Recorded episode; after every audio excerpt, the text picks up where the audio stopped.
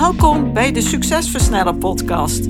Mijn naam is Antoinette Nunes en met deze podcast help ik gedreven ondernemers om snelle, betere keuzes te maken voor bedrijfsgroei met meer vrijheid.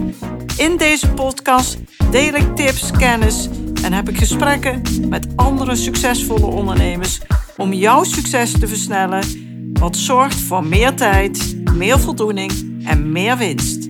Let's go! Vandaag ga ik in gesprek met Ninke van der Lek, een van de succesvolste business coaches in Nederland en België. Ze heeft een succesvol miljoenenbedrijf gebouwd met een eenvoudig verdienmodel, waardoor ze naar eigen zeggen kiest voor business met ease. Jarenlang werkte zij met online programma's en had ze honderden en soms wel meer dan duizend klanten tegelijk. Tegenwoordig helpt zij maximaal 25 ondernemers per jaar door te kiezen voor de bovenkant van de markt en deze ondernemers persoonlijk op de beste manier te helpen. Net als ik ziet Ninke dat haar klanten super druk zijn en veel van hun kostbare tijd met hun gezin en vrienden inleveren omdat ze een bedrijf hebben. Ze zitten vast in een zelfgecreëerde gevangenis en weten niet hoe ze hieruit kunnen ontsnappen, ook al hebben ze zelf de sleutel in handen. In haar boek Five Star Business geeft Ninke vernieuwende inzichten en tips waarmee je je bevrijdt van het doen van concessies en meer kunt verdienen, meer vrije tijd overhoudt door te kiezen voor de bovenkant van je markt. Ninke, superleuk dat je vandaag mijn gast bent. Ik wil graag meer van jou horen over de ommekeer in je ondernemersavontuur, je passie en ambitie en je ondernemerslessen, zodat de luisteraars geholpen en geïnspireerd worden om vooruitgang te boeken als ondernemer. Wil jij nog wat aanvullen op deze introductie? Nou, je zegt het mooier dan ik het zelf had kunnen doen. Dus uh, ik denk helemaal top. Misschien één ding dan toch, Antoinette. En dat is, uh, dankjewel trouwens voor de uitnodiging. Hartstikke leuk om hier te zijn. Um, dat ik totaal geen ondernemersachtergrond uh, had voordat ik aan het ondernemersavontuur begon. En ook niemand in mijn familie uh, heeft een eigen bedrijf. Uh, het was echt niet bedoeld dat ik uh, een eigen onderneming zou starten. Maar het is wel gebeurd en het is ook succesvol gebeurd. Dus ik ben heel benieuwd naar alles wat je me vandaag gaat vertellen. En allereerst zou ik graag wat horen, want je had eerst dus een ander verdienmodel, het oude verdienmodel. Nou, wat dat was en wat je hiermee bereikt hebt. Ja, dus in mijn uh, werk als business coach ben ik gestart met, zoals ik nu dat noem, het volume businessmodel. Je zei het al net in de introductie, uh, mijn kennis um, verpakte ik in um, online programma's. Van in de range van 47 tot 2500 euro. En um, ja, dat leek natuurlijk wel de holy grail. Want um, hoe heerlijk is het dat klanten zichzelf kunnen helpen in jouw programma. Ja. Dus dat leek echt de weg naar ultieme vrijheid. En nu, het heeft me ook wel heel veel gebracht. Uh, ontzettend veel klanten, heel veel omzet. Uh, een uh, ja, stevige positionering in de markt, weet je. Niemand kon eigenlijk meer om mij heen. Um, een tijd ook wel uh, veel, veel tijd. Dus je bent het eerst allemaal aan het creëren. Dat kost heel veel tijd. Maar dan op een gegeven moment gaat het draaien. Dan denk je, oh, lekker. Um, maar um, ik ben van huis uit echt een socio, een helper. Ik werkte in de jeugdzorg. Ik werkte in het onderwijs. Net als mijn ouders. En um, ja, ik ben eigenlijk in het ondernemerschap gerold omdat ik geen, uh, geen nieuwe baan kon vinden. Nadat ik uh, ergens na drie jaar contracten niet meer uh, terug kon, omdat ze geen vaste contracten mochten uitgeven. Um, ja, en omdat ik geen leuke baan kon vinden, dacht ik, nou, dan begin ik wel voor mezelf. En um, ja, als ik als ik ben ingeschreven bij de KVK en ik heb een website, dan komen er vanzelf klanten. Nou, dat was een grote vergissing. ik denk dat dat bij meer mensen gebeurt, ja. Ja dus, ja, dus dat is zeg maar hoe ik startte. En toen ik eenmaal die online programma's had staan, toen merkte ik van, oh, het is echt heel lekker als klanten zichzelf kunnen helpen, weet je. Dat is gewoon heel makkelijk en het verdient makkelijk, omdat ik inmiddels ook heel veel had geleerd over marketing en het gewoon ging doen en het heel erg leuk vond en creatief vond. En ja, het begon gewoon te werken. Maar ik merkte, kijk, ik ben dus ik ben van nature een helper, van nature een mensenmens. Maar het werd zo overweldigend. En zoals jij net zei, ik had honderden en soms al meer dan duizend klanten tegelijk. Uh, zij hielpen zichzelf, maar wilden eigenlijk het liefste mij. En dat kon niet. En ik kwam echt een beetje klem te zitten. Dus ik wist van, oh, als ik mensen persoonlijk ga helpen, kan ik ze beter helpen. Maar het was veel te overweldigend. Dus ik trok mezelf steeds meer terug. Ik verstopte me echt achter de schermen van mijn business. Dus ja, ehm, ja ik merkte ook als ik dan bijvoorbeeld zelf als bezoeker naar een event ging. Ja, heel veel mensen kenden mij. Zij kenden mij, maar ik kende hen niet. Hè? Want ja, ik, ik had gewoon dagelijks aanmeldingen. Dus dat is echt fantastisch. Ik heb echt van die situaties dat er gewoon ja, ik weet nog dat ik een keer een webinar gaf. En uh, in één webinar, dat is dan twee uur, 70.000 euro omzetten. Ja, dat is gewoon echt. Ik wist niet wat me overkwam. Dus was, maar dus heel veel mensen kenden mij, omdat ze of mijn programma volgden, of me kenden van social media en allemaal advertenties en zo. Maar ik voelde me daar best wel ongemakkelijk bij. En maar vooral ook deed een appel op um, het stukje in mij van ik zou eigenlijk mensen beter kunnen helpen als ik als ik er persoonlijk bij betrokken was, maar het was te overweldigend om het te doen. Maar goed, ik had, het was eigenlijk een luxe probleem, want het geld stroomde binnen, maar ondertussen verschoof mijn focus van het helpen, naar mensen, helpen van mensen naar het binnenkrijgen van leads en klanten. Want om zoveel klanten uh, te kunnen krijgen, er gaan heel veel marketingkosten bij gemoeid. Een heel marketingapparaat had ik gebouwd. Er zijn heel veel mensen voor nodig achter de schermen die dat draaiende houden, die dat op niveau houden.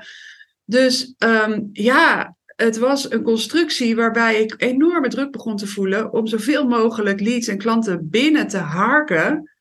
Om uiteindelijk die kosten te kunnen uh, betalen. Dus in plaats van Ninke uh, met haar sociale inborst, werd het Ninke de harketeer. Die liet zijn klanten binnenharkte. En dat voelde steeds een beetje goedkoop. Het schuurde diep van binnen. Maar nog steeds was het geen aanleiding om nieuwe keuzes te gaan maken. Want ik zat nog steeds in een luxe positie. Ik ben moeder van drie kinderen. Ik, ik ging met mijn man en mijn drie kinderen. We reisden de wereld rond. Niks was te gek. Alles, alles kon. In tijd, in geld. Um, maar diep van binnen dacht ik wel van, ah, ik vind het niet meer zo leuk. En het moment waarop mijn team ontdekte dat een stelletje boeven uit Vietnam mijn Facebook-advertentie-account had gehackt en 249.000 euro had uitgegeven met mijn creditcardgegevens. Dat was het moment waarop ik echt wakker werd. Want toen was er ineens urgentie. Ja. Omdat ik me realiseerde dat dat hele succes afhing van uh, meneer Zoekenberg. Ik had mijn business helemaal afhankelijk gemaakt van Facebook adverteren. Ja. En dat was het moment waarop ik echt stil ging staan. En het was een, een, een avond dat ik met mijn man in de keuken stond. We stonden volgens mij samen een beetje te koken. En ik vloepte er zoiets uit van, ach, ik heb gewoon zin om gewoon met een klein groepje ondernemers die super gemotiveerd zijn, om die gewoon persoonlijk te gaan helpen. En hij zei zo van, maar waarom ga je dat dan niet doen? Uh, dus ik, de, het verlangen was dat het minder overweldigend was, dat het minder kostte. Want ook al had ik een miljoenenbedrijf, um, ja, onder de streep bleef er veel te weinig over. Ja. En dus de, de, de afhankelijkheid die ik had gecreëerd van één, ja, één externe partner, zou je kunnen zeggen. Uh, ik dacht echt van als dit een mens was geweest, dan was ik al lang gestopt. Want Facebook zorgde helemaal niet goed voor mij. Uh, we konden ze niet bereiken. Als er problemen waren, de hele tijd werd mijn account uh, geblokkeerd. Nou, dat soort toestanden. Ja, en het was die avond in de, in de keuken dat ik me realiseerde van, ja, privé ben ik echt iemand van kwaliteit boven kwantiteit. En in mijn bedrijf doe ik het tegenovergestelde. En ik besloot op dat moment om de stekker te trekken uit die enorme hardrijdende trein. Um, en ja, me helemaal te gaan richten op premium coaching. Omdat ja, dat ik vind ik toe... wel uh, echt super bijzonder, want het zorgde natuurlijk voor een, uh, heel veel geld, maar daardoor ook voor heel veel vrijheid. Dat, dat liep aan, en van de ene kant wat je vertelt, je raakte steeds verder weg van je passie, van je drive, waarom je dit wil doen, wat je doet. Eh, en je was alleen nog maar bezig met, die market, met dat marketingverhaal. Dus ik kan me daar alles bij voorstellen. Maar aan de andere kant, ja, iets wat je zoveel vrijheid geeft eigenlijk, dat, daar trek jij de stekker uit. En, en de reden waarom is, is heel goed te snappen. Maar inderdaad, ja, het klinkt dan heel erg logisch om dat te doen. Maar het lijkt me echt reuze moeilijk om dat te doen. Ja, Hoe ging dat, bij jou? Ja, dat was het, was het helemaal niet. Het was, nee. het was helemaal niet moeilijk. Het voelde voor mij zo ontzettend logisch. Uh, kijk, ik heb een hele sterke intuïtie. Er zijn echt, het grootste deel van mijn leven luisterde ik er niet naar. Maar afgelopen jaren is er heel veel ruis weggevallen. Dus ik heb echt een hele sterke kompas waar ik op vertrouw. En als ik heel diep van binnen voel, dit is voor mij, dan ga ik. En dan de, ja, het idee dat dit moeilijk is, een moeilijke keuze, dat is het idee wat anderen hebben als ze er naar kijken. Maar voor mij voelde het logisch, het ene ding. Het, ik zag ook helemaal voor me van. Zo gaat dat gewoon uitpakken. Het is een kwestie van tijd. En dat bleek. Maar ik ben het gewoon gaan doen. En uh, het, ik leverde niet super veel vrijheid in, want ik had me inmiddels gevangen gezet in een business die me niet blij maakte. Dus het voelde onvrij omdat ik deed, niet deed wat, wat ik echt, echt zou willen. Het voelde onvrij omdat ik ook een enorm team te managen had. Het voelde onvrij omdat de kosten de pan uitrezen. En het voelde onvrij omdat ik zo afhankelijk was van Facebook adverteren. Ja. Dus de buitenwereld keek naar mij van wauw, die heeft het echt heel goed voor elkaar. En vergeleken met heel veel ondernemers was dat ook zo. Maar het klopte niet bij wie ik ben. En dan voelt het voor mij onvrij. En ja, ik heb wel voor hetere vuur in mijn leven gestaan dan van businessmodel uh, veranderen. Dus ja, ik wist gewoon, ik voelde, dit is mijn weg. Ja, ik denk dat uh, wat je nu zegt, dat dat natuurlijk ook gewoon super belangrijk is. Dat je gewoon, zeg maar, echt weet van ja, dat moet ik doen. Dat is gewoon een goede keuze. Dat, dat wil ik doen. Ik, ik wil dat anderen niet meer. Ik had dat zelf toen ik uh, in 2016 met identief startte. Ik wilde gewoon uh, iets voor mezelf doen. En, en dan moest ik ook eerst helder hebben van wat moet dat dan zijn. Maar toen dat helder was, toen nam ik dat besluit. En had dat, dat heeft inderdaad heel veel impact. En vooral ook op mensen om je heen. Want voor jezelf is het allemaal niet zo ingewikkeld, maar het is vaak heel ingewikkeld voor, de, voor je omgeving, voor de mensen die daar ook bij betrokken zijn. Want zo'n team, kan ik me voorstellen, ja, dan moet je zeggen, ja, ik, uh, ik stop de samenwerking, want ik kies een andere weg. En dan weet je ook dat zij vinden dat natuurlijk lastig. En als, als, uh, als je sociologisch ingesteld bent, dan houd je daar ook een beetje rekening mee. Maar aan de andere kant weet je, uh, inmiddels zeker, dat je gewoon je eigen pad moet volgen en niet dat pad van een ander. Ja, ja. ja dus um, ja, het klopt wat je zegt. En ik heb in het verleden, ben ik vaak mijn eigen grenzen overgegaan om anderen te pleasen. Maar het is niet voor niets dat ik ervoor kies om met freelancers te werken. En we weten allebei dat we ieder moment iets anders kunnen gaan doen. Weet je, dat is de deal die we hebben gesloten. En ik ben ermee gestopt om te gaan zorgen voor andere mensen om mensen om mij heen, uh, ja, om die gewoon te zien als capabele mensen die zoiets wel kunnen dragen. Ja. Dus uh, ja, dat betekent dat ik mezelf serieuzer neem daarin. Van, uh, weet je wel, ik hoef niet voor anderen te zorgen. Ik ben niet verantwoordelijk voor het geluk of het ongeluk van een ander. Ja. ik, ja, ik heb compassie voor mensen. ik, ik wil niet lomp zijn of rude. Maar soms kan het wel in de ogen van anderen zo overkomen. Maar ja, dat is vaak ook een stuk wat een ander nog aan te kijken heeft. Ja, precies. Ehm, ja. ja. weet je, dus als iemand heel erg geraakt is, uh, ik heb het vaak genoeg meegemaakt hoor, dat ik een samenwerking stop. Dat komt nooit uit de lucht vallen. Daar gaan altijd gesprekken aan vooraf. Maar ja, ik sta wel aan het hoofd van een bedrijf. Het is mijn bedrijf. Dus het moet voor mij kloppen. En ik ga niet dingen aanhouden omdat het anders moeilijk wordt voor een ander. Nee, Dit is, ik wil mensen om me heen die waarde toevoegen, die me supporten en niet die niet denken, oh, wat gaat ze nu doen? Nee, maar die vertrouwen hebben in mijn visie en ook daarom aansluiten. Ja, en toch, uh, het, jij vertelt nu van, uh, ik, ik moet voor mezelf kiezen, dus mijn verantwoordelijkheid. En wat die ander ja, daarvan vindt, of dat is zijn probleem. En, en dat is dan wat, of tenminste in ieder geval, dat is wat, wat hij of zij nog te doen heeft. Uh, toch zie ik in de praktijk heel veel ondernemers die dan bijvoorbeeld een werknemer hebben en die functioneert niet lekker. En uh, dat ze dat toch ellenlang een beetje pappen en nat houden in de hoop dat het misschien ooit een keer beter wordt. En uh, in Amerika zeggen ze hire slow en fire fast. Hè? Dus in de zin van als je personeel aanneemt, onderzoek gewoon heel goed en doe dat heel zorgvuldig voordat je met iemand gaat samenwerken of iemand aanneemt. En als, je, als het op een gegeven moment niet functioneert, dan moet je dat eigenlijk zo snel mogelijk afwikkelen. Maar toch zie ik in de praktijk dat ondernemers dat vaak toch heel erg moeilijk vinden. Ja. Om, om, om inderdaad uh, ja, dat leiderschap te tonen van ik, ik zit hier op deze bestuurde stoel en ik heb de leiding en ik moet keus maken die en voor mezelf en voor mijn bedrijf het beste zijn. En dan toch tegen beter weten in hopen, hopen dat het beter wordt. Terwijl ze eigenlijk als ze diep van binnen goed kijken, dan weten ze echt wel dat het inderdaad op een gegeven moment niet gaat veranderen.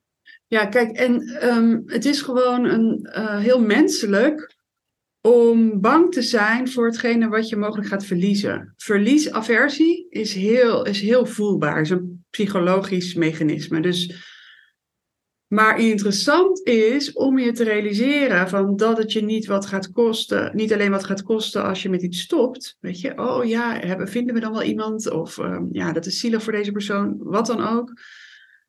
Uh, krijg ik straks meer werk op mijn bord? Maar wat kost het je als je ermee doorgaat? En dat is de vraag die veel ondernemers zichzelf niet stellen. Ja. Dus uh, hire slow, fire fast. Ik gooi er nog een andere in. En dat is uh, C-players make A-players B-players. Ja. Dus je kent misschien ook vroeger in de schoolklas, dan was er maar één ettertje en die trok die hele sfeer omlaag. Weet je wel? Dat is ook in je team. Dus heb je daar iemand die gewoon echt niet van niveau is, niet de juiste mindset, niet de juiste skills, niet het eigenaarschap toont, die trekt het hele niveau van de business omlaag. En inclusief jou als leider. En als je daar eens goed bij stilstaat, um, ja, dat is voor mij echt een versneller in het maken van keuzes. Ja, en, en inderdaad wat je zegt van wat kost dat dan? Want als je, dat, als je daar heel even bij stil gaat staan en bij wijze van spreken gewoon eens zo opschrijven, ja. dan word je heel bewust van, ja, die keuze moet ik gewoon nu maken. En niet hopen dat het beter wordt. Nee, als, als je in de hoopstand staat, ja. dat is sowieso echt al een red flag. Als je in de hoopstand staat. ja. ja. ja. Ik heb nog een andere vraag. Ik, uh, ik besteed zelf ook altijd veel geld en, uh, aan groei, omdat ik dat gewoon, en persoonlijke ontwikkeling, uh, omdat ik dat belangrijk vind en, en ook heel prettig. Het is voor mij gewoon een belangrijke levensbehoefte. Maar ik weet dat jij dat ook doet en ook al heel vaak zelfs de oceaan overgestoken bent om in Amerika masterminds te volgen en, en trajecten ja, bij te wonen. Wat zijn de belangrijkste lessen? Nou, er zijn er heel veel, maar misschien kan je er één of twee noemen waar je zegt van, nou, die les, dat kan ik me nog heel goed herinneren, die was heel belangrijk voor mij. En wat is je beste investering ooit geweest in persoonlijke ontwikkeling? Ja, dus dat zijn twee verschillende vragen. Om met die eerste te beginnen. Kijk, jij was bij mijn mastermind, hè? Ja. En ik zag waar jij ging zitten, naast wie jij ging zitten. En ik dacht bij mijzelf, Wauw, die Antoinette.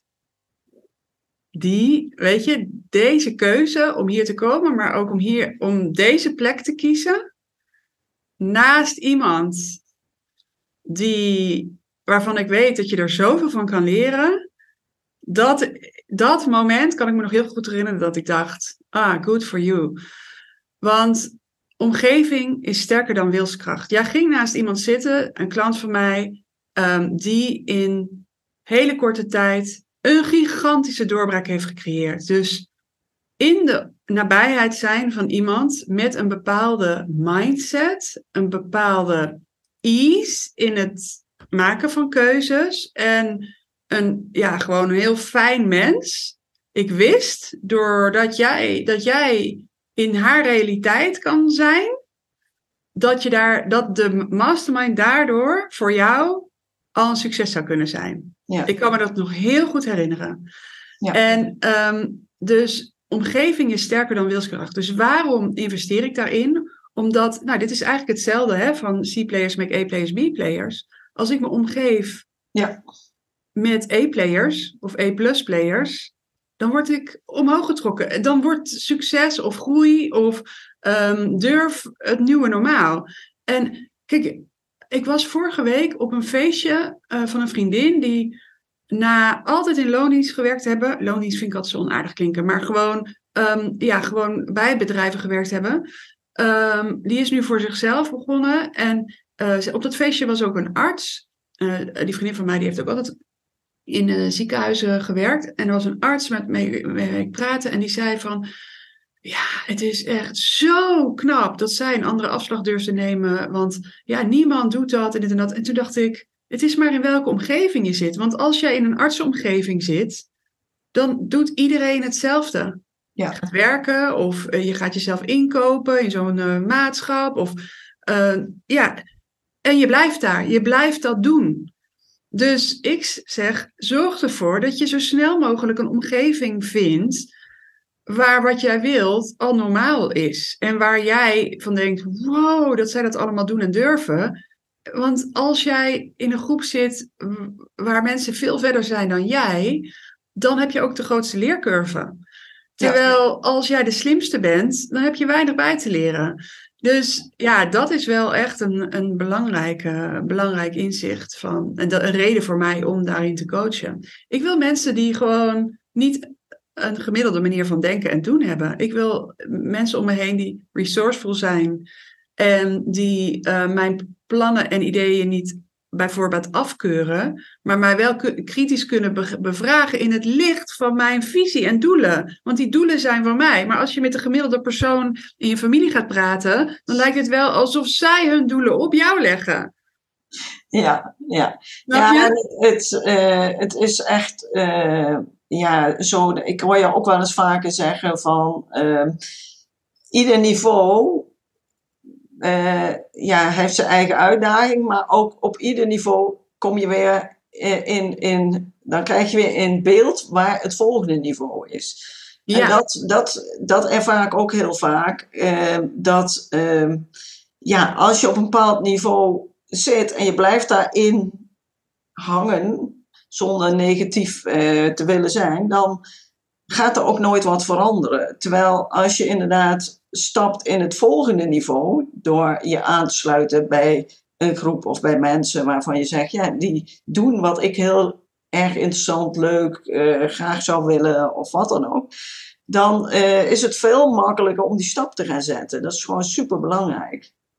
Ja. ja, mooi. En ehm, wat is de beste investering ooit geweest voor jou in persoonlijke ontwikkeling? Dat is uh, het investeren in uh, de coaching van Byron Katie. Oké, okay, ja. Ja, de work. Ja, de work van Byron Katie. Um, Byron Katie is een vrouw, ze gaat richting de 80 inmiddels.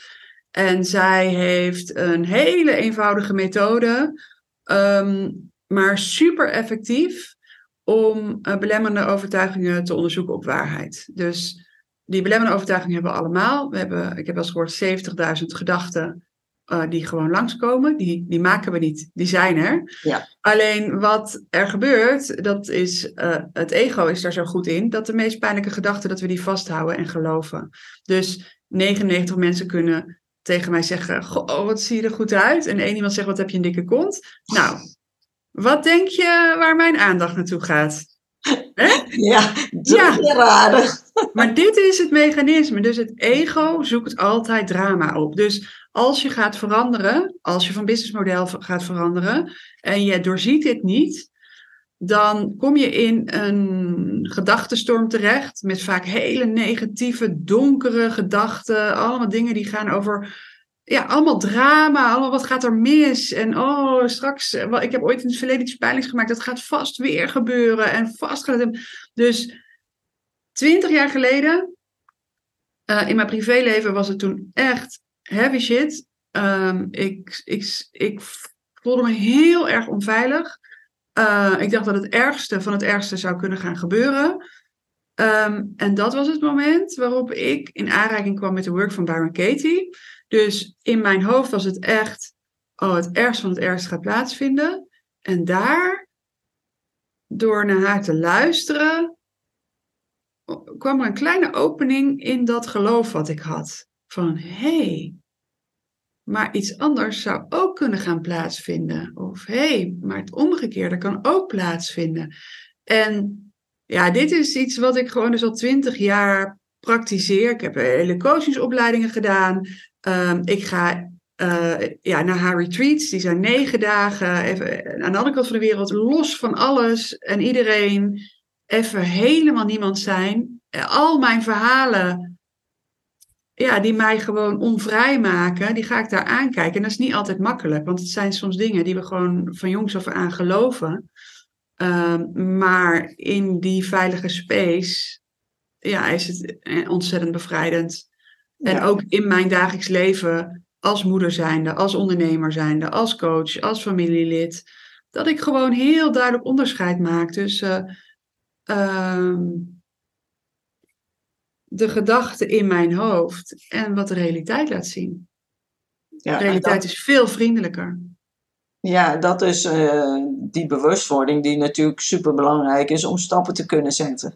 Ja. Ja, ja, absoluut. Ja, mooi. Ik uh, moet zeggen, ik, uh, ik ken de work inderdaad ook van Byron Katie.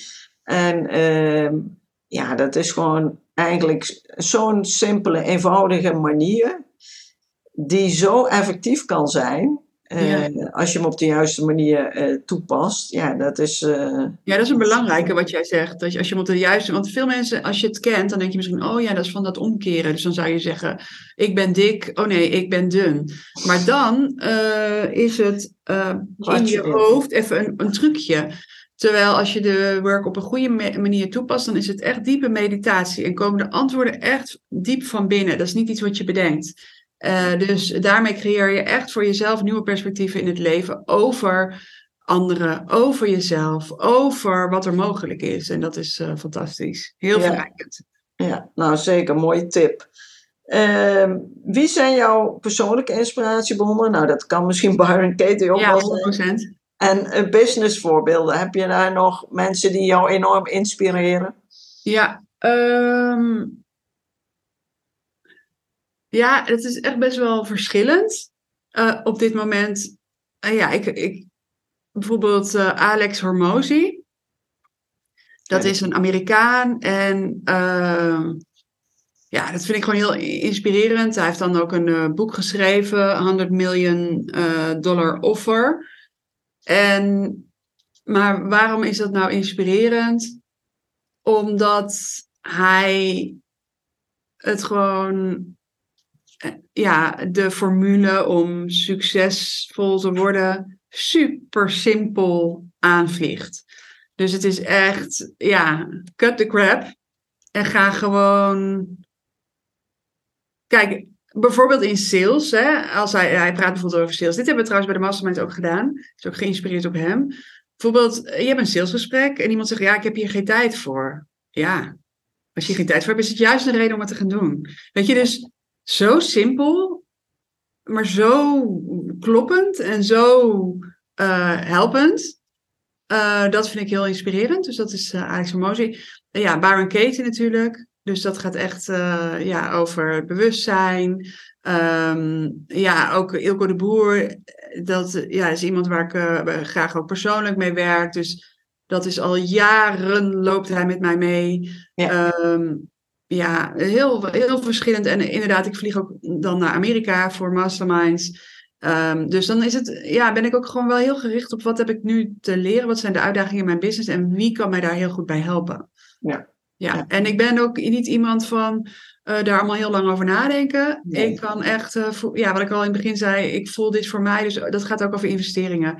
Eh, veel mensen vinden investering doen spannend. Eh, voor mij is dat nooit spannend. Ja, of nooit. Dat is misschien ook. Het is gewoon niet echt heel spannend, omdat ik, ik voel, I'm safe. Weet je, ik, ik, ik, ja, weet je, een investering kan mij niet kapot maken. Weet je, ik bedoel, nee, ik heb alleen maar wat te winnen. Dus, en heel veel investeringen wil ik niet doen. Dus ik, omdat ik zoveel helderheid van binnen heb, weet ik gewoon, ja, dit is voor mij en ik ga het doen. En maar veel mensen zijn bang, oh, straks is de verkeerde investering. Nou, ik heb een keertje geïnvesteerd in een ehm, mastermind in Amerika. En ehm, dat was van een, uh, een uh, dat ging echt over online business. En echt de gedetailleerde online marketing stuff. Super interessant. Um, die gast heeft zoveel kennis, zoveel waarde. Ik had volgens mij 35.000 dollar geïnvesteerd in dat jaar. Ik moest ook nog steeds daarheen vliegen. En vroeg echt veel geld en energie ook. Um, en jetlags. nog steeds in LA. Um, ehm, maar wat heb ik nou uit dat jaar gehaald dat ik dat spel niet meer wilde spelen? Ja. En voor heel veel ondernemers zou het dan een mislukte investering zijn. Ja.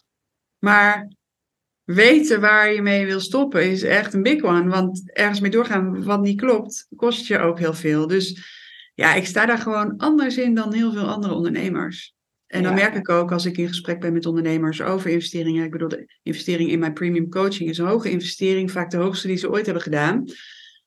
Um, en voor de een voelt het logisch en is het een no-brainer. En voor de ander is het heel spannend. En ik, dat kan, weet je wel, dat kan. Alleen ik voel heel erg van, als je dit wil, je hebt niks te verliezen.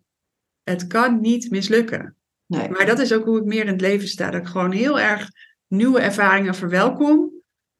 Zonder van tevoren precies te willen weten hoe het dan uit moet gaan pakken. Ja, maar het is gewoon heel prettig als je natuurlijk al voelt van, ja, uh, intuïtief, ik, dit is mijn juiste keus en het kan niet mislukken. Nou, als je dat al voelt, bedoel, ja. ja. hoe fijn is dat? En dan denk ik, dan is die keuze ook niet zo moeilijk. En dat is gelijk een mooi uh, haakje naar mijn volgende vraag. Want hoge prijzen vragen, en dan hoge prijzen tussen aanhalingstekens, want wat is hoog, hè? Wat, wat is iets waard en wat levert het op? Is het dan een hoge prijs? Maar oké, hoge prijzen vragen. Uh, dus dat je zegt van nou, je moet er best even diep van in de buidel tasten om deze investering te doen.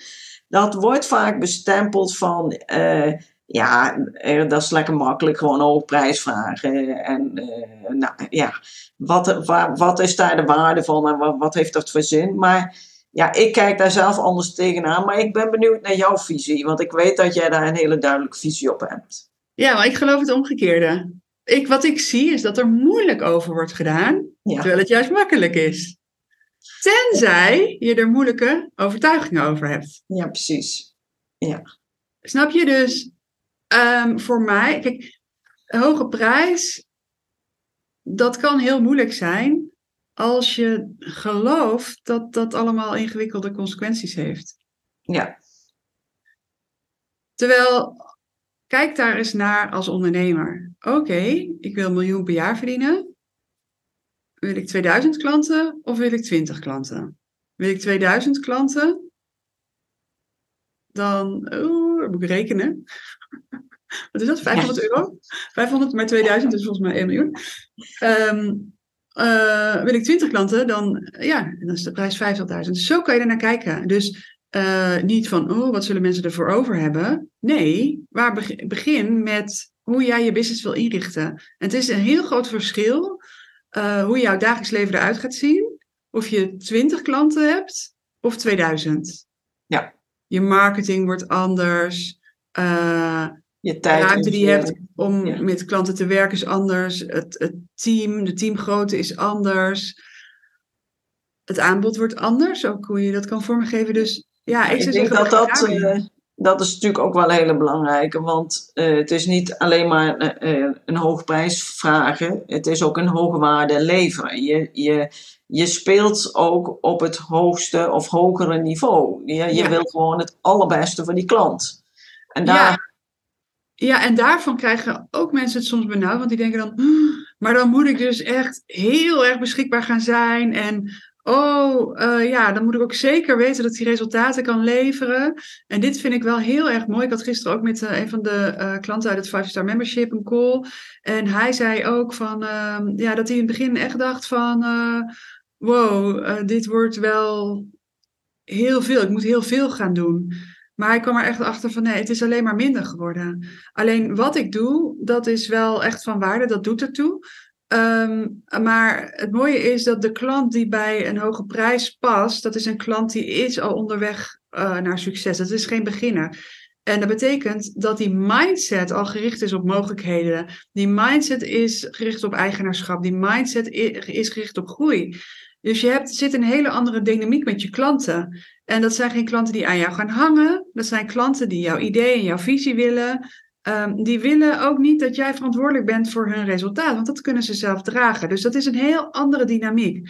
En ik had het met hem er ook over van um, ja, hoe belangrijk het is dat je de klant ook echt verantwoordelijk maakt voor het resultaat. En dat je dus niet zelf een lat gaat leggen op die klant van jij, jij moet dit succes behalen. Nee, de doelen zijn van de ander en jij faciliteert het, de weg ernaartoe. Maar of dat doel nou is 10 miljoen of 1 miljoen, dat maakt mij persoonlijk niet uit. Maar als hij kijkt naar 10 miljoen, nou, dan kunnen we kijken van, oh ja, welk plan uh, ga je maken? En dan kan ik hem op bevragen en mijn visie opgeven. Maar het is niet zo dat ik dan gefaald heb als hij niet 10 miljoen haalt. Snap je? Het is van hem en het blijft van hem. Ja. En die dynamiek is heel erg belangrijk. Het gaat over eigenaarschap.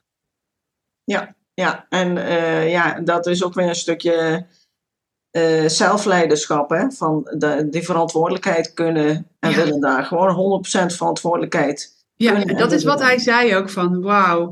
Uh, dit, ja, hij zei zelfzorg en leiderschap. Dat zijn echt de twee dingen. Hij zit nu drie maanden in het 5-star membership. Hij heeft in drie weken zijn hele jaaromzet van vorig jaar uh, verdient. Dus hij weet niet wat hij meemaakt. Dat komt omdat hij nu gewoon op een ander level klant, wel in dezelfde branche, maar hij richt zich eerder op het middenmanagement en nu op de raad van bestuur. En dat is echt dus, ja, daar zit een ander profiel. Ja. Dus zijn aanbod ziet er helemaal niet heel anders uit. Maar hij, hij heeft een andere gesprekspartner die uh, ja, dan beter past. Beter past, ja.